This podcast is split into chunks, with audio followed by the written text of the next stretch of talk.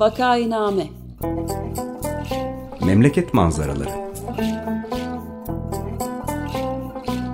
Hazırlayan ve sunanlar Güven Güzeldere, Ömer Madra ve Özlem Teke.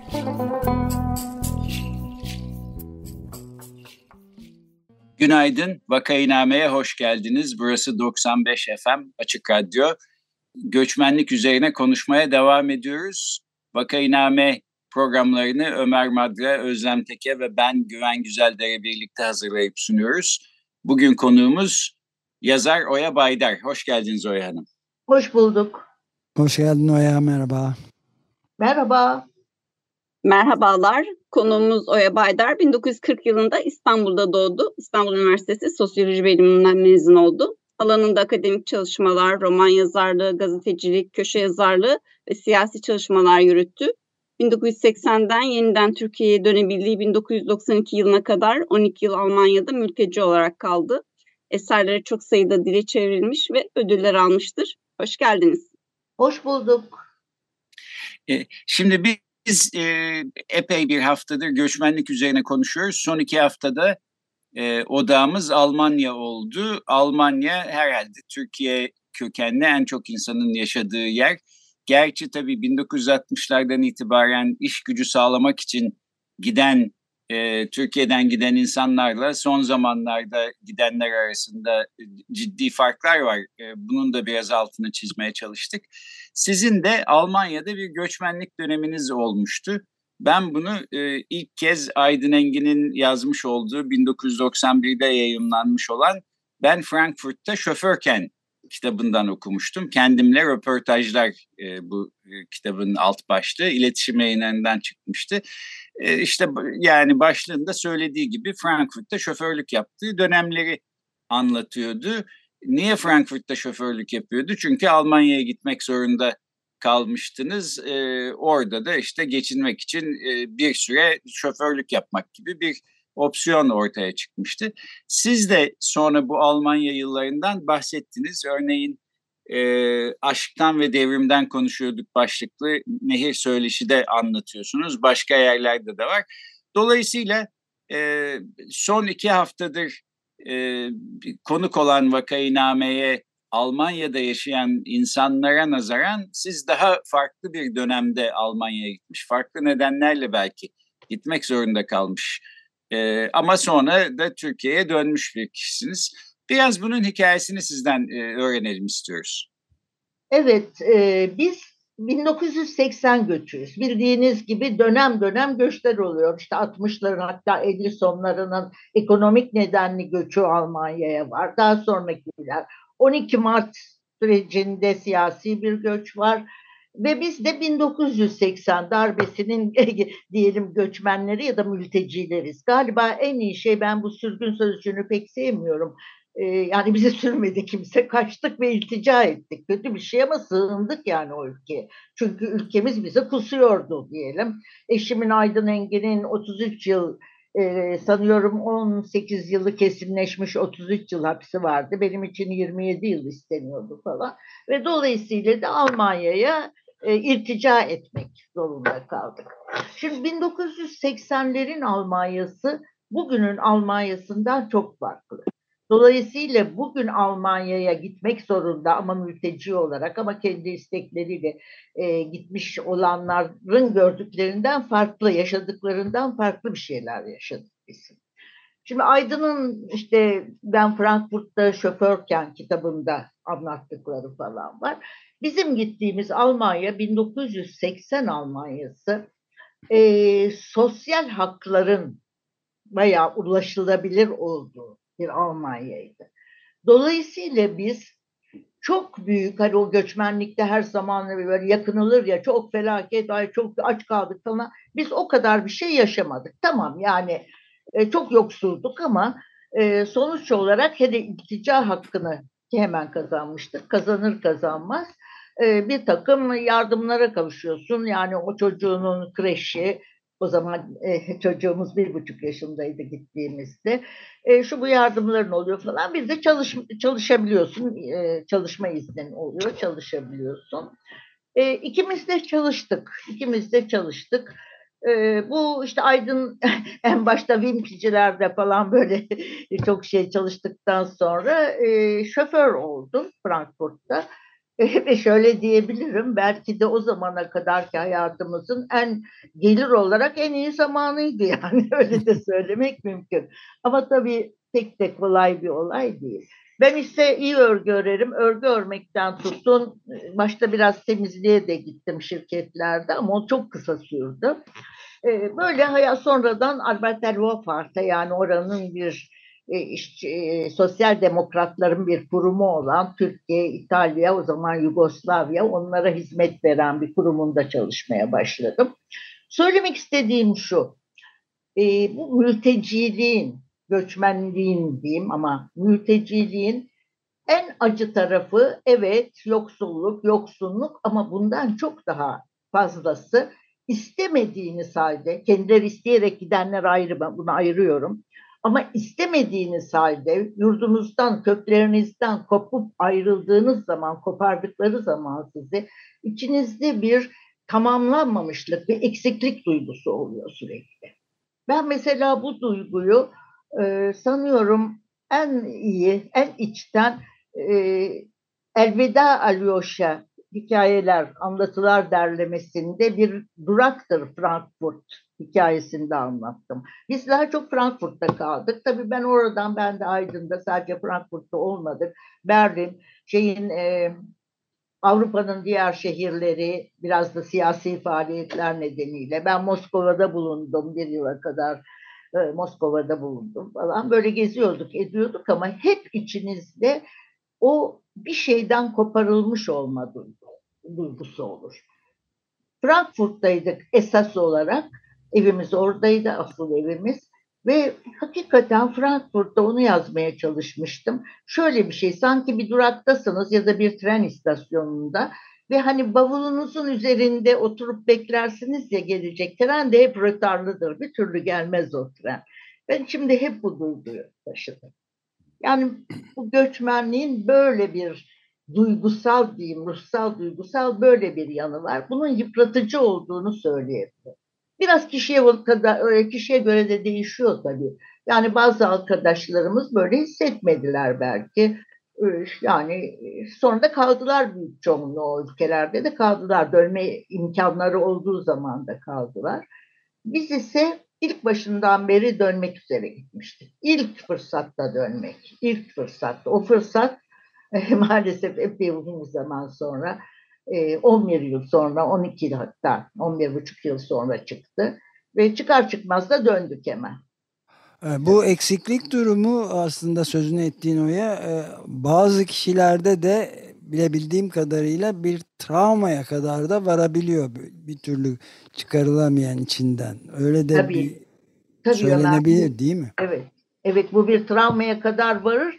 Travmaya varmasını engelleyen birkaç şey var. Birincisi e, içinizde umut taşıyorsanız, bir umut taşıyorsanız ben döneceğim ve döndüğümde mücadeleye devam edeceğim. Yani bir hedefiniz varsa bu travmayı da, e, atlatabiliyorsunuz kısmen. İkincisi bulunduğunuz yerde e, bir takım çalışmalar yapabiliyorsanız oranın yaşamına da karışıp hem kendi yurdunuz için hem orası için bir takım çalışmalar yapabiliyorsanız bir çevre ediniyorsanız, e, bir dostluk çevresi, dostluk ve arkadaşlık çevresi edinebiliyorsanız o travma e, daha kolay atlatılıyor diyelim. O manada ben de Aydın için de söyleyebilirim, bazı arkadaşlarım için de.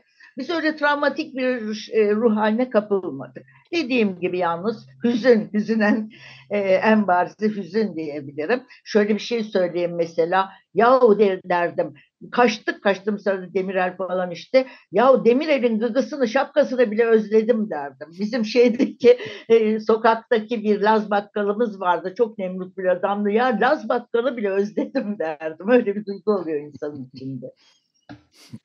Evet ben de şunu ekleyeyim programın girişinde Ruhi Su'nun 1977'de e, Ada Müzik'ten çıkmış olan El Kapıları Sabahın Sahibi Var e, başlıklı albümünden e, Almanya Acıvatan e, parçasının bir parçasını çaldık. Tabii bu Almanya acı vatandan kastedilen işte Almanya acı vatan adama hiç gülmeyi falan diye gidiyor. Daha ziyade 1960'larda 70'lerde iş gücü sağlamak için e, Türkiye'den Almanya'ya gitmiş olanların hikayesini anlatıyor bu şarkı ama e, son zamanlarda Almanya'dan çok bahsediyoruz diye bunu söyleyelim, e, bunu da buraya ekleyelim dedik. Şimdi e, bu hüzün meselesi aslında önemli. Şöyle bir şey de var diye düşünüyorum. Yani siz e, evet Almanya'ya gitmek zorunda kalmışsınız. Dolayısıyla e, onlar Almanya devletinin bir şekilde e, işte yardımına ihtiyaç duyuyorsunuz. Öte yandan işte mesela siz örgü örmekten öte başka şeyler de yapabilen bir insansınız. Aydın Engin de taksi şoförlüğü yapmaktan başka şeyler de yapabilen birisi. Ama bir süre için en azından sizi işte öyle kalifiye olmayan ya da başka anlamda kalifiye bir işçi gibi e, görüyor o ülke. E, Türkçe'de taş yerinde ağırdır diye bir sözcük var. Bence çok doğru bir sözcük. Yani e, yerinizden edildiğiniz zaman belki bu ağırlığınızı da bir süreliğine en azından kaybediyorsunuz. Bu da herhalde bir zorluk getiriyor olsa gerek diye düşünüyorum psikolojik olarak. E, öyle değil mi?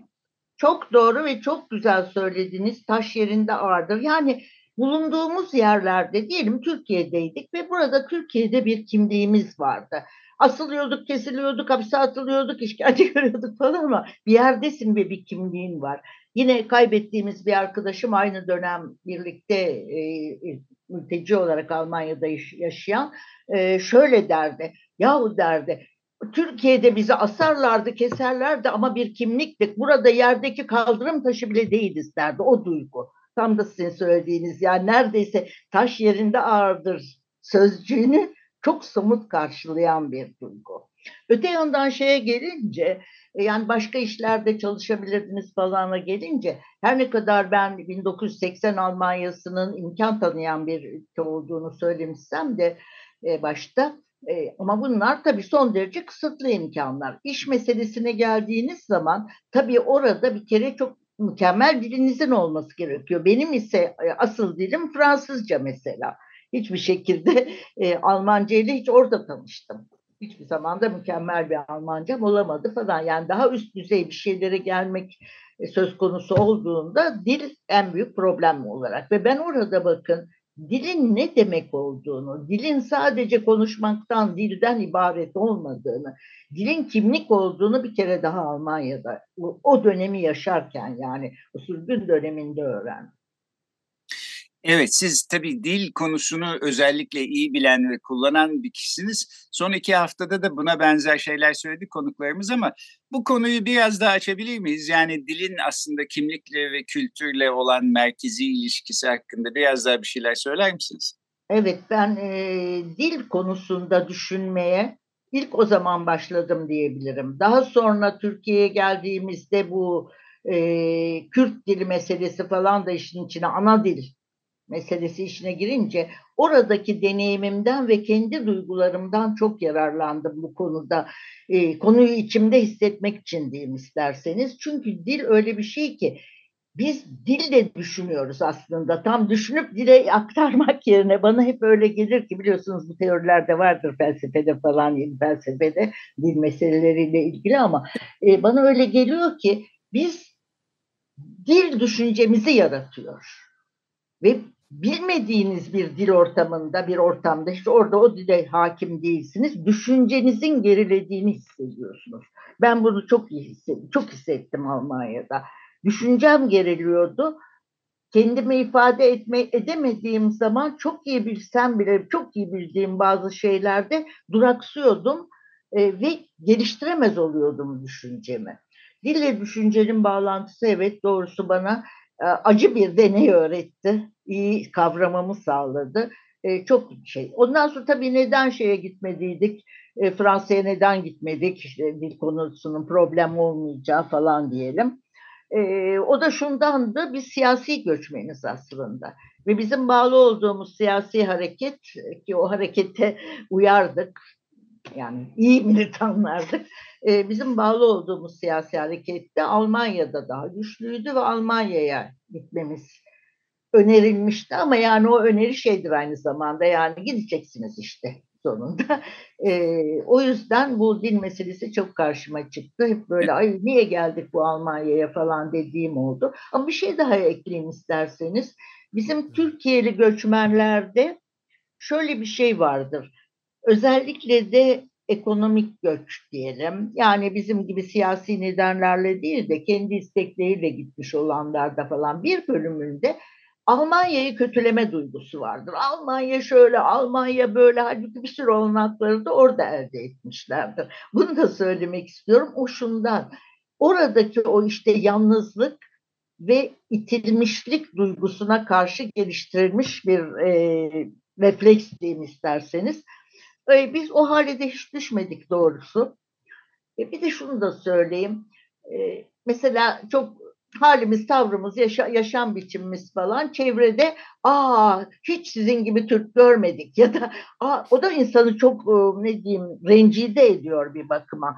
Mesela hangi millete Türk'üm, Türkiye'den geliyorum dediğiniz zaman ay hiç benzemiyorsunuz diye bir şey olur. Şimdi bu onlar adına bir Alman adına değil isterseniz iltifattır. Sizin içinse bu bir aşağılama duygusu da verir. Bunu da yaşarsınız. Evet dildeki dil, yani. pardon dildeki yetersizlik çok önemli bir eksiklik senin de dediğin gibi oya. Bu demin sözünü ettiğimiz travma durumunu da güçlendirici olabilir tabii. Çok, bir de çok, kendini ifade edememenin. Evet. Ve dikkat ederseniz bayağı vaka olarak travma geçiren e, göçmenlerde, sürgünlerde, mültecilerde dil faktörünün ne kadar ağır olduğunu göreceksiniz. Yani dile hakim olanlar e, bunu çok daha hafif atlattılar.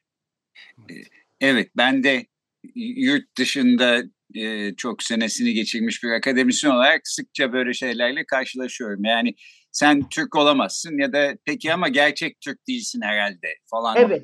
e, diyenler çıkıyor. Bunu tabii bir iltifat olarak e, söylemeye çalışıyorlar evet. ama iltifat olmadı. İşte çok onu açık. söyledim. İltifat sanıyorlar o sizde bir aşağılanma duygusu yaratıyor. Bilmiyorum sizde de öyle oldu mu ama yani kızıyorsunuz.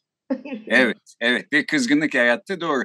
Peki ben bir de en son şunu sorayım. Şimdi siz Almanya'da uzun yıllar yaşayıp daha sonra Türkiye'ye döneli neredeyse 30 sene falan oldu ama o zamana baktığınızda işte aklınızda kalan en belirgin Almanya anısı ya da Almanya'yı niteleyen özellik olarak e, ne ilk aklınıza geliyor? Zor soru. Bunu çalışmamıştım. Ne geliyor aklıma? Hmm, Valla doğal güzellikler geliyor desem, şimdi sizin belki beklediğiniz cevap değil ama Almanya güzel bir ülkeydi. Ben de çok gezdim, çok gezdik. Bu geliyor aklıma. İkincisi de daha farklı bir planda. Bu aşağılanma duygusunun insanlara biz onu belki doğrudan yaşamadık demin konuştuğumuz gibi dolaylı bir şey oluyor ama e, aşağılanma duygusunun ikinci öteki sayılma duygusunun bizim insanlarımızda ne kadar ağır etkiler yarattığını hatırlıyorum ve onlarla biraz işim gereği de orada son zamandaki işim gereği biraz bizim Türkiye'lilerle e, muhatap olabiliyordum. E, aklıma o geliyor. Yani insanlarımızda o ikinci ötekileştirilmenin ne kadar ağır yaşandığı bu geliyor. Ama bireysel olarak sorarsanız Almanya güzel bir ülkeydi. Kültürel faaliyetlere, kültürel şeylere e, yani katılmak mümkündü. E, o biraz işte entelektüel düzeyde zevk aldığım da bir şeydi. Evet. Evet. Özle, Özlem belki evet. bir şey sormak. Bir şey sorabilirim ben de çok zamanımız yok ama bu göçmenlik halinin e, siyasette olan ilişkisini ilişkisinin ilişkinizi nasıl değiştirdiğini merak ediyorum. Hem Türkiye'ye döndükten sonra hem de Almanya'da bu ilişkilenme nasıldı? Evet güzel soru. Belki işin benim açımdan püf noktası. Bu sadece Almanya olmayabilirdi. Ben o dönem boyunca Moskova'ya falan da gittim ve benim e, düşüncelerimde siyasi, ideolojik diyelim isterseniz o anlamda çok köklü değişiklikler oldu. Bunun nedeni bazı şeyleri içinden yaşamak. Bunu hem Almanya'da hissettim hem gittiğim diğer Avrupa ülkelerinde, o zamanın sosyalist ülkelerinde bir sürü şey içinde yaşamak, o muhasebeyi yapabilmek benim bakışlarımda e, çok değişiklik yarattı. En azından bir tek şey söyleyeyim. Tek doğru benim doğrum değil. Doğru sandığım şeylerin de hepsi doğru değil. Bunları düşünmek lazım gibi bir duygu. Evet, peki son olarak da şimdi bugünlerde e, Türkiye'den Almanya'ya bir hayli göç var. E, bazı sektörlerde daha da yoğun olduğu düşünülüyor. İşte bilgisayar programcıları, sağlık çalışanları falan gibi.